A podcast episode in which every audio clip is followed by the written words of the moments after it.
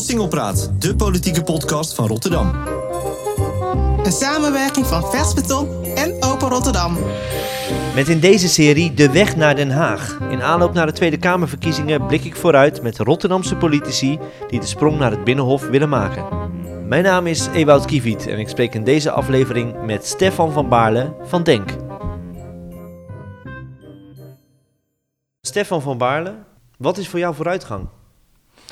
Vooruitgang. Uh, vooruitgang is voor mij dat uh, iedereen mee kan doen. Dus dat we ervoor zorgen dat iedereen in de samenleving gelijke kansen heeft om zichzelf te ontplooien. Als onderdeel van die samenleving gezien wordt. En dat iedereen daar ook wat van merkt in de, in de praktijk. Hm. En voor mij zit echt de vooruitgang voor Nederland erin. Dat we de macht die we met elkaar hebben in het land, dat we de middelen die we met elkaar hebben in het land, maar ook de posities die we hebben met elkaar in het land eerlijker delen met elkaar. Ja. En daarvoor moeten we ervoor zorgen dat we het welvaartssysteem eerlijker inrichten. Maar moeten we er ook voor zorgen dat we korte metten maken met uitsluiting zoals discriminatie. Ja, en hoe gaat Denk daarvoor zorgen? Met een prachtig uh, verkiezingsprogramma dat uh, op alle thema's uh, die er zijn een antwoord vindt. En waarvan natuurlijk het meest prominente hoofdstuk het eerste hoofdstuk is, inclusie en acceptatie. Ja. Waarin wij met een allesomvattende aanpak van strafverzwaring tot aan meer bewustwording. 1 miljard uh, en 1 miljard euro. Antidiscriminatiebeleid. Maar wat doe je met al dat geld? Nou, uh, wat wij willen is dat er een, uh, een, een, ministerie komt, een minister komt, die zich uh, dag in dag uit bezig gaat houden met kansengelijkheid, inclusie. Nog meer bureaucratie. En die minister die zou met name aan de gang moeten gaan om ervoor te zorgen dat we van al die goede voornemens die er zijn, die staan in onze grondwet, iedereen is gelijk, dat daar ook in de praktijk wat gemerkt wordt. Dat betekent uh, veel meer werk maken van uh, uh, het signaleren van discriminatie in de samenleving, met mystery guest aanpakken. werken aan educatieprogramma's. Wij hebben zelf het voorstel voor een educatieve maatregel discriminatie. Dus mensen die veroordeeld zijn voor discriminatie, nou leer ze nou dat dat gedrag gewoon niet bij Nederland past, dat iedereen Nederlander is. En dat komt er ook op neer dat je fors moet investeren in programma's om onderwijsachterstanden weg te halen, om ervoor te zorgen dat iedereen volwaardig mee kan doen. Is, dus, dit, uh, is dit het grootste probleem van Nederland, discriminatie? Ik denk dat een van de fundamentele crisis in Nederland uh, onze identiteitscrisis is, waarin we met elkaar te weinig onderkennen dat we als Nederlanders veel meer gemeenschappelijk hebben dan wat ons uit elkaar drijft. En als wij als Nederlanders veel meer het gemeenschappelijke belang vinden, de handen ineenslaan, zien dat we gedeelde uitdagingen hebben, zien dat we allemaal Nederlanders zijn, dan voorkomen we zoveel verdeeldheid en kunnen we de uitdagingen die we het gezamenlijk tegemoet treden zoveel makkelijker aan. En ik denk dat dat daarom een van de grootste crises is die we met elkaar te boven moeten komen, namelijk de crisis van de veel te grote verdeeldheid in onze samenleving. Ja, en dat vind je belangrijker dan armoedebestrijding? Uh, nou, ik zou zeggen dat armoede een onderdeel is van, uh, van deze crisis. Uh, het feit dat sommige groepen mensen er niet bij horen, dat, dat heeft te maken met het feit dat niet iedereen dezelfde middelen heeft om mee te doen aan die samenleving. Dus het feit iedereen onderdeel laten zijn van die samenleving en volwaardig Nederlander zijn, is ook een stukje iedereen de middelen geven om dat ook te kunnen zijn in de praktijk. Waarom ben jij bedenkt terechtgekomen? Um, dat, dat, dat is een stukje toeval en een stukje levenservaring en een stukje politieke begaving. Laten we beginnen met het toeval. Het toeval was dat ik um, eind 2014 uh, ene meneer T. Kuzu uh, uh, tegenkwam in Rotterdam.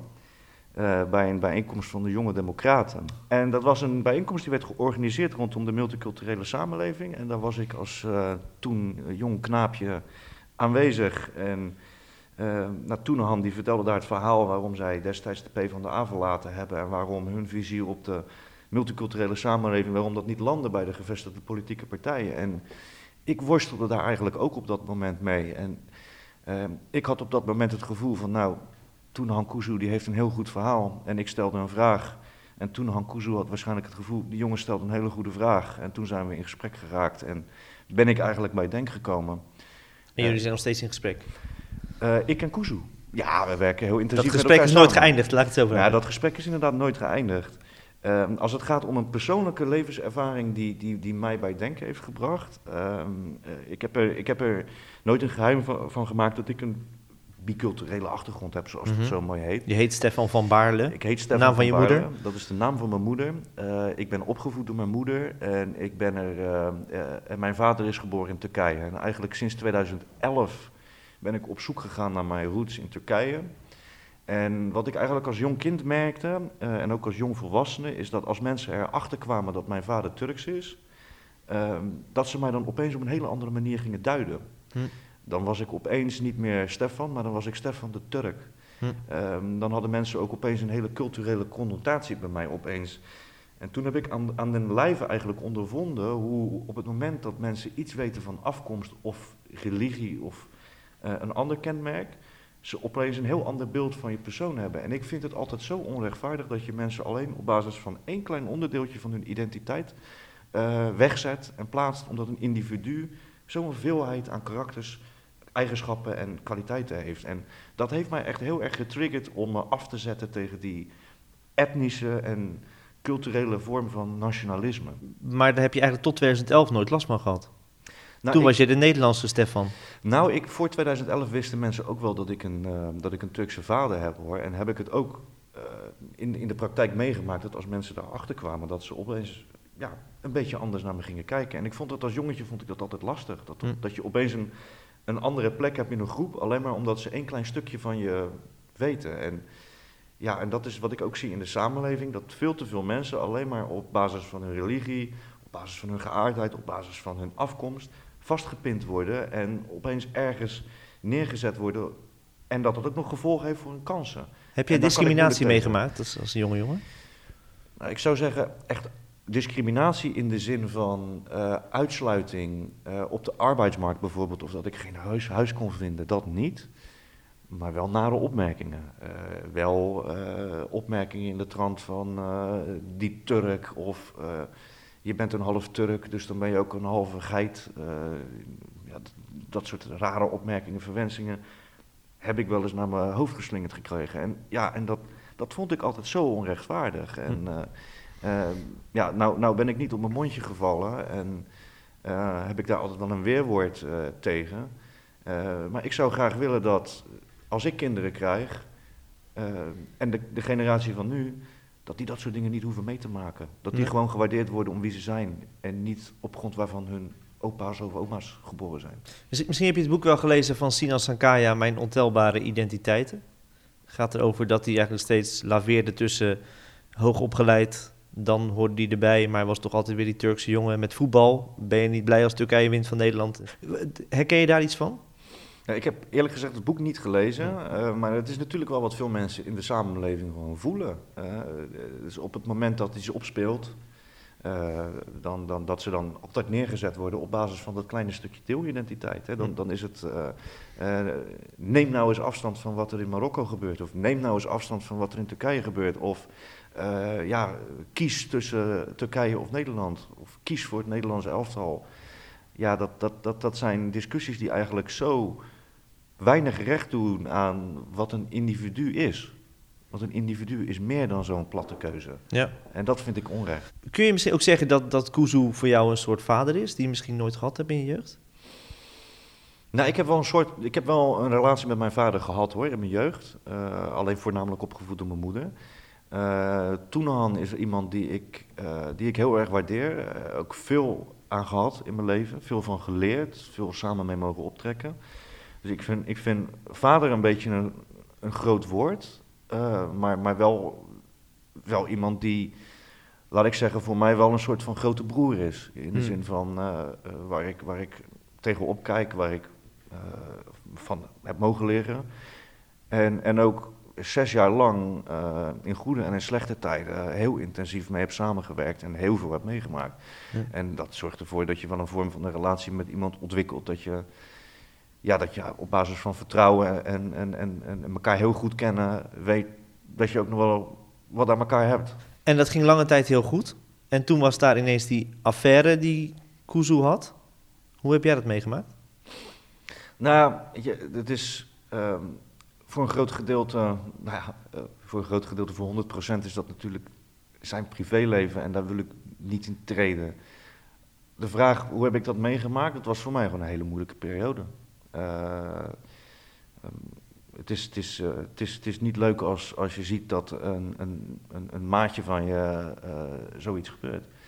Dus uh, ik, vind, ik vind dat hem op heel veel vlakken onrecht is aangedaan. op welke vlakken dan? Nou, ik, ik, ik vind dat er, dat er op, op dat punt. En ik ga er ook niet te ver in treden omdat het privé is. En ik vind dat we daar respect voor hebben. Maar ik vind, ik vind de dingen die, die zijn gezegd, vind ik op zoveel vlakken onwaar, onrechtvaardig. En zelfs bij Vlaren ook onrechtmatig. Dat, dat, ik, dat ik dat alleen maar uit mijn ervaring, hoe ik hem ken, verre van me kan werpen. En verder is het privé. Je maakt het niet heel concreet nu.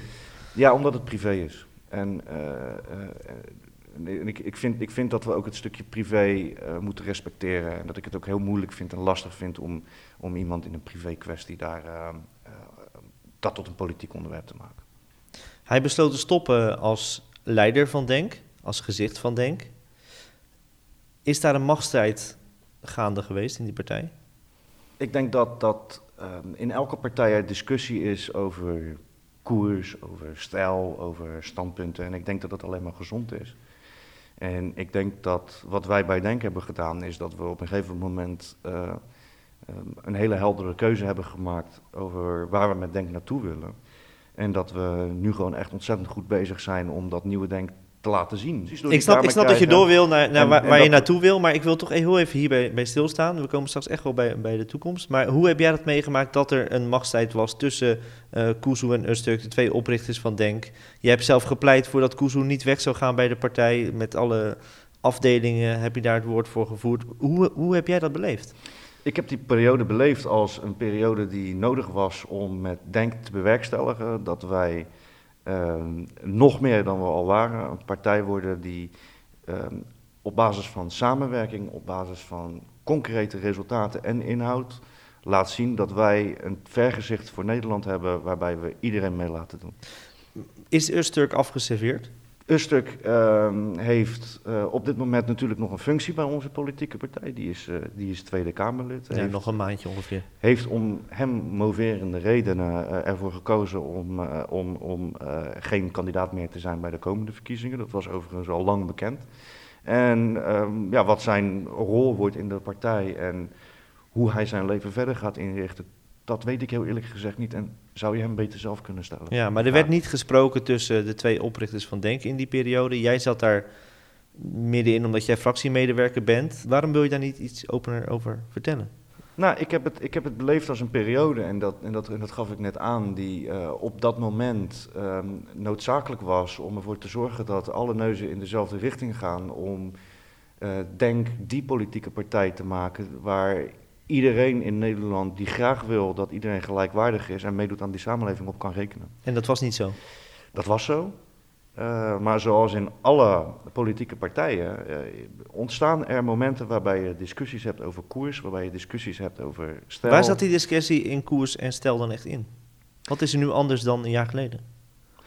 Nou, ik denk dat wij in essentie nog heel erg dezelfde politieke partij zijn. Maar uh, dat je als hele jonge partij natuurlijk heel veel leert. Dat je door, zoals dat zo mooi heet, schande en schaamte wijzer wordt. En dat op een gegeven moment ook een nieuwe fase moet aanbreken. Waarin je laat zien dat je verbinding legt met andere partijen, dat je resultaten boekt. Dat bewerkstelligen we nu met elkaar. Ja, maar bedoel je dan ook dat, dat de tijd van de filmpjes maken van andere Kamerleden voorbij is? En dat bedoel jij met de, met, met de volgende fase?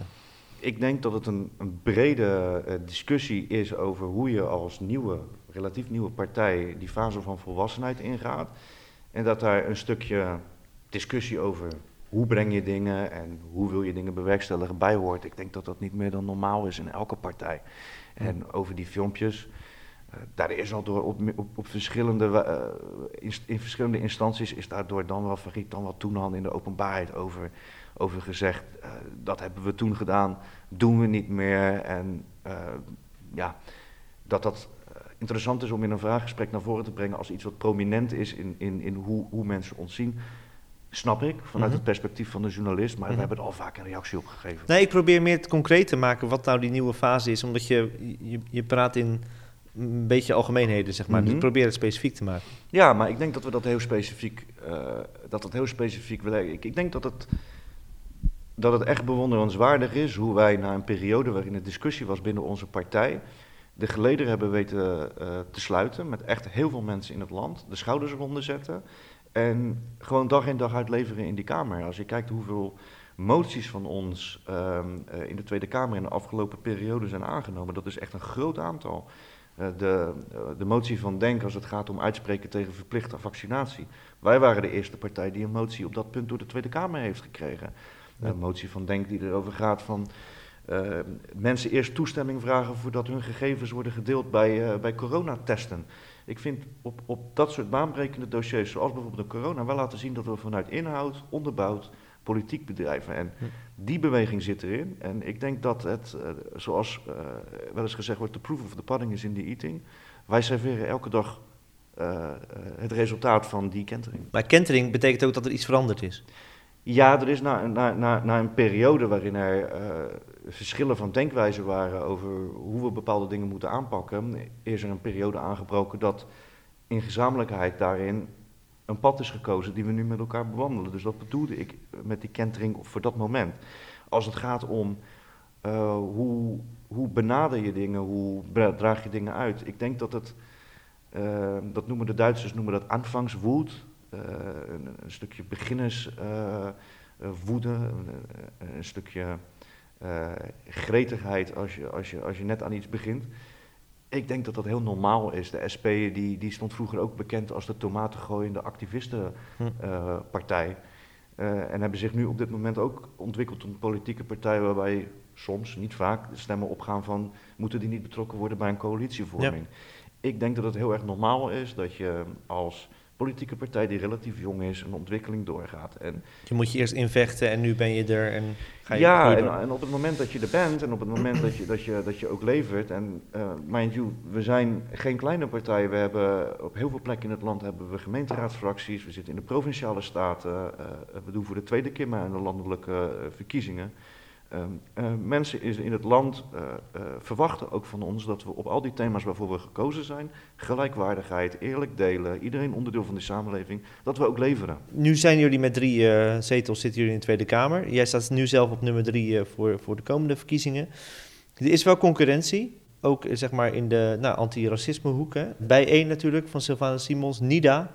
Ik zag afgelopen week NIDA actie voeren rond de petitie, rond het verbieden van beledigen van Mohammed.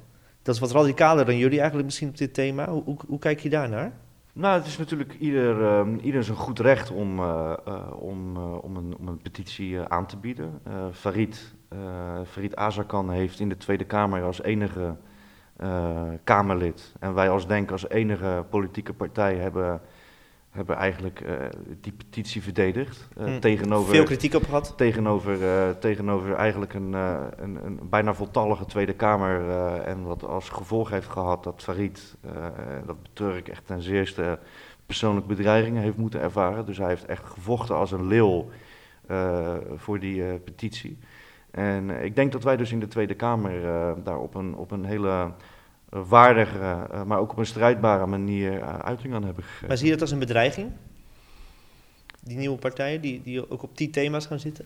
Nou, ik heb er vertrouwen in dat wij bij de Tweede Kamerverkiezingen een heel goed resultaat gaan boeken. En dat baseer ik op wat ik meemaak op straat. Uh, het enthousiasme. als ik met Farid en Toenhan op straat ben, dan, dan is het echt bijna met geen pen te beschrijven hoeveel mensen uh, deze twee mensen zien als iemand die voor ze opkomt, strijdbaar is en ze aanspreekt. Dat baseer ik op het beeld in de peilingen. In 2017 is bewezen dat wij in de, in de peilingen tamelijk onderschat worden. Uh, dus als wij nu uh, op, op, op behoud om en daarbij staan, dan denk ik met de onderschatting van ons die altijd plaatsvindt in die peilingen, dat wij echt voor groei kunnen gaan in de richting van die Tweede Kamer. Denk claimt de meest diverse lijst te hebben. Is dat zo? Als je bijvoorbeeld kijkt naar uh, misschien ook niet-moslims, LHBTI'ers, zijn jullie dan het meest divers? Nee, ik denk dat wij, dat wij een ontzettend uh, diverse lijst hebben. En uh, ik denk dat we dat ook laten zien. Ik denk dat de mensen met alle achtergronden, met alle kenmerken op die, uh, op die lijst Noem ze op dan, wat, wat, staan. wat voor verschillende mensen staan er op? Nou, we hebben mensen vanuit verschillende gebieden in Nederland. We hebben mensen met uh, verschillende culturele achtergronden, zoals het zo mooi heet. We hebben mensen met verschillende religieuze achtergronden. Dus ik denk dat wij laten zien in de praktijk dat wij... Jij bent zelf niet religieus, hè? Ik ben zelf, zoals dat heet, onpartijdig. Ik ben agnost. Hmm, ja. Dus ik ben, ik ben religieus gezien een neutraal persoon. We hebben mensen van Surinaamse Nederlanders hebben we op de lijst. We hebben Marokkaanse Nederlanders op de lijst. Caribische Nederlanders. Nederlanders van alle verschillende achtergronden, verschillende religieuze herkomsten. en ik denk dat het nog nooit in Nederland vertoond is dat zo'n diverse groep Nederlanders een plek aan tafel opeist om ook mee te gaan beslissen. Hmm. Wat me wel opviel is dat die top 6 dat zijn allemaal mensen die nu al op de fractie werken. Betekent dat dat je eigenlijk geen nieuwe mensen meer aantrekt? Of die je niet vertrouwt misschien? Nee, dat, uh, dat betekent dat wij um, op, een, uh, op een hele bewuste manier uh, bezig zijn om een hele grote groep talentvolle mensen bagage mee te laten krijgen om straks zo goed mogelijk voorbereid in die Tweede Kamer terecht te laten komen. Dat is iets wat bij heel veel politieke partijen gebeurt. Dus ik denk dat het alleen maar een kracht is dat wij, dat wij mensen alvast laten warm draaien langs het veld als ze dadelijk de, aan het spel mee moeten gaan doen. Ja, als we dan kijken naar de ideeën, ik heb hier het uh, verkiezingsprogramma uh, uitgeprint, dan um, pleiten jullie onder meer voor een diversiteitsquotum. Correct. Voor welke functies gaat het quotum gelden? Nou, dat is iets wat wij in ieder geval verplichtend op zouden willen leggen voor, uh, voor bedrijven. Wat we hebben gezien is met het streefcijfer dat in de afgelopen periode is opgelegd voor, voor de deelname van vrouwen in de top, dat het onvoldoende soelaas biedt. Dus dat moet verplichtend opgelegd worden. dat zou maar daar ook... is nu ook de minister mee bezig? Ja, en dat zou wat ons betreft, dat roepen wij al jaren, dat zou met wat ons betreft voortvarender moeten en ook wat ambitieuzer. En dat zou ook moeten gelden voor de top bij de overheid. Die moet ook representatief zijn en wij gaan verder dan alleen dat. Ik denk dat het ook heel erg goed is om wat dat betreft verplichtend quota op te leggen. Om ervoor te zorgen dat het ook op het gebied van afkomst een afspiegeling is. Op het gebied van mensen met een beperking natuurlijk. En al die groepen waarvan we zien dat die nog steeds tegen een glazen plafond moeten opboksen. Uh, dat glazen plafond dat willen wij met een hamer, want het is een paardenmiddel, uh, willen wij kapot slaan. Uh, en uit de praktijk blijkt dat als je een periode zo'n quotum hebt ingesteld, dat het daarna ook een periode aanbreekt dat de zelfselectie aan die top, dat die verdwijnt en dat zo'n middel ook niet meer nodig is. En dat wil je. Maar wie is er divers dan? Dat gaat om, om, om, om man-vrouw, afkomst? Dat gaat om man-vrouw, uh, dat gaat om, uh, dat gaat om afkomst, dat, dat, dat mensen met een beperking. ik, denk, ik denk dat je heel goed zou moeten kijken naar waar op dit moment de grootste knelpunten zitten als het gaat om barrières die mensen in hun dagelijkse leven ondervinden om hogerop te kunnen komen. Dat geldt met name voor vrouwen in onze samenleving. Die merken, uh, ik wil graag carrière maken, maar ik loop aan tegen een glazen plafond omdat aan de top er mensen zijn die de neiging hebben om zichzelf te, te selecteren. En dat is iets wat gebeurt in groepen en dat moeten we doorbreken. We maar als ik dan kijk naar de top, naar de top van, van Denk, zie ik drie het, mannen uh, op, op, in de top drie staan. Ja, en nu wij, staan drie zetels, dan komt er ook geen vrouw voor Denk in de Kamer. Ja, maar wij gaan bij de komende, de komende Tweede Kamerverkiezingen gaan wij voor een uh, resultaat waarbij wij echt gaan groeien. Waarbij wij echt gaan groeien. Ja, dat klinkt mooi. En, maar, maar, en, maar, maar in de absolute top van, van Denk is daar dus ook geen plek voor. En, en op het moment dat uh, wij straks in die Tweede Kamer komen met vijf, misschien wel zes zetels, uh, dan hebben wij een fantastisch divers team met inderdaad een Stefan van Baarle in de Tweede Kamer. Uh, maar ook een Isaura Carillo, uh, een fantastische uh, buitenlandse zaken expert met een, met een Caribisch-Nederlandse achtergrond. En dan hebben wij Sharifa Zemouri in de Kamer, een fantastische dame die gepromoveerd epidemioloog is. En dan hebben we ook nog Natasha Hussein, Natasha Mohammed Hussein, een advocaat die die juridische bagage ook meeneemt naar ja. de Kamer. Dus ik denk een fantastisch divers team. Ja, dat klinkt heel mooi, Stefan. Maar, maar je zegt net zelf, uh, in, die, in die absolute top stoten vrouwen niet door in het bedrijfsleven. En dan is er bij jullie ook niet dat bijvoorbeeld niet op twee een vrouw staat of op drie. Nou, Waarom de, is dat? In de, in de top van onze lijst uh, is de verdeling 50-50. Ja, wij, maar het is eerst hebben, drie mannen en dan drie vrouwen. Wij, wij, wij hebben, wij hebben wat is dat, het dan niet wat, practice what you preach? Wat dat betreft hebben wij van alle politieke partijen, hebben wij aan de top van onze lijst, hebben wij een van de grootste uh, uh, vertegenwoordigingen van vrouwen aan de top van onze lijst staan. Maar niet als je met drie zetels in de Kamer komt. Ja, maar wij komen met meer die Kamer in, Ewout. Nou, dat moeten we afwachten. Tot slot, jij wilt het gaan combineren met je raadswerk, hè? Is dat eigenlijk wel te doen? Als jij, als jij en in de Tweede Kamer moet werken en hier? Dat is te doen. Eh, ik, ben, eh, ik ben gewend eh, redelijk veel uren per week te draaien. 60 uur zei je wel eens, toch? Het, is, eh, het, is nu, het is nu wel heel erg veel, inderdaad. Eh, het, is, het is nu eh, dag in, dag uit. Maar ik, denk, ik denk dat dat goed te doen is. Ehm, ik denk dat wij met elkaar, en dat bedoel ik hier in de fractie, maar ook in Den Haag, een dusdanige samenwerking met elkaar hebben dat we elkaar daarin versterken en ontzien. Dus dat is één. je moet dat van elkaar willen accepteren. En twee, ik denk dat ik het in me heb om heel snel ehm, eh, mezelf dossiers en ook politieke eh, kwesties eigen te maken. Ik, ben, ik heb hier in de Rotterdamse gemeenteraad, en ik durf dat wel van mezelf te zeggen, vrij snel het raadslidmaatschap eigen gemaakt. En ik denk dat dat ook eh, in de Tweede Kamer zo zal zijn en dat ik me dat zeer goed eigen kan maken en dat op die manier kan combineren. Heb jij nog wel een privéleven? Ik heb wel een privéleven, ja. Dat klopt. Maar er blijft niet veel tijd voor over. Eh, nu wat minder. De komende maand blijft er weinig van het privéleven over, inderdaad. Eh, maar ik probeer er wel tijd voor te vinden. Ik probeer eh, nog steeds mijn vrienden probeer ik veel op te zoeken. Ik probeer veel tijd vrij te maken om, om aan mijn hobby's te spenderen. Ik ben fervent gitaarspeler.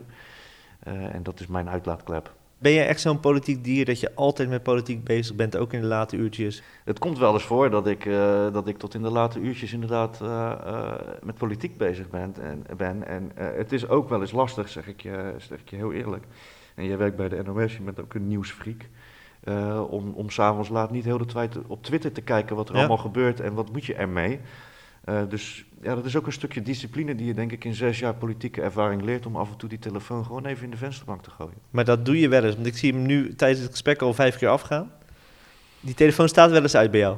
Ja, niet uit, eh, maar dan ligt hij wel buiten mijn zicht. Eh, en af en toe moet je jezelf daar echt toe dwingen dat je ehm, niet gevangen raakt in de bubbel die politiek heet. Sterker nog, ik denk dat het noodzakelijk is om niet te veel in de bubbel van de politieke werkelijkheid te blijven. Eh, om ook nooit eh, binding te verliezen met wat er op straat leeft. Koolstingelpraat is een samenwerking van lokale omroep Open Rotterdam en online tijdschrift Vers Beton. Ben je fan van deze podcast over de Rotterdamse politiek? En wil je dat we dit kunnen blijven maken? Word dan supporter van Vers Beton, volg Open Rotterdam of deel deze podcast.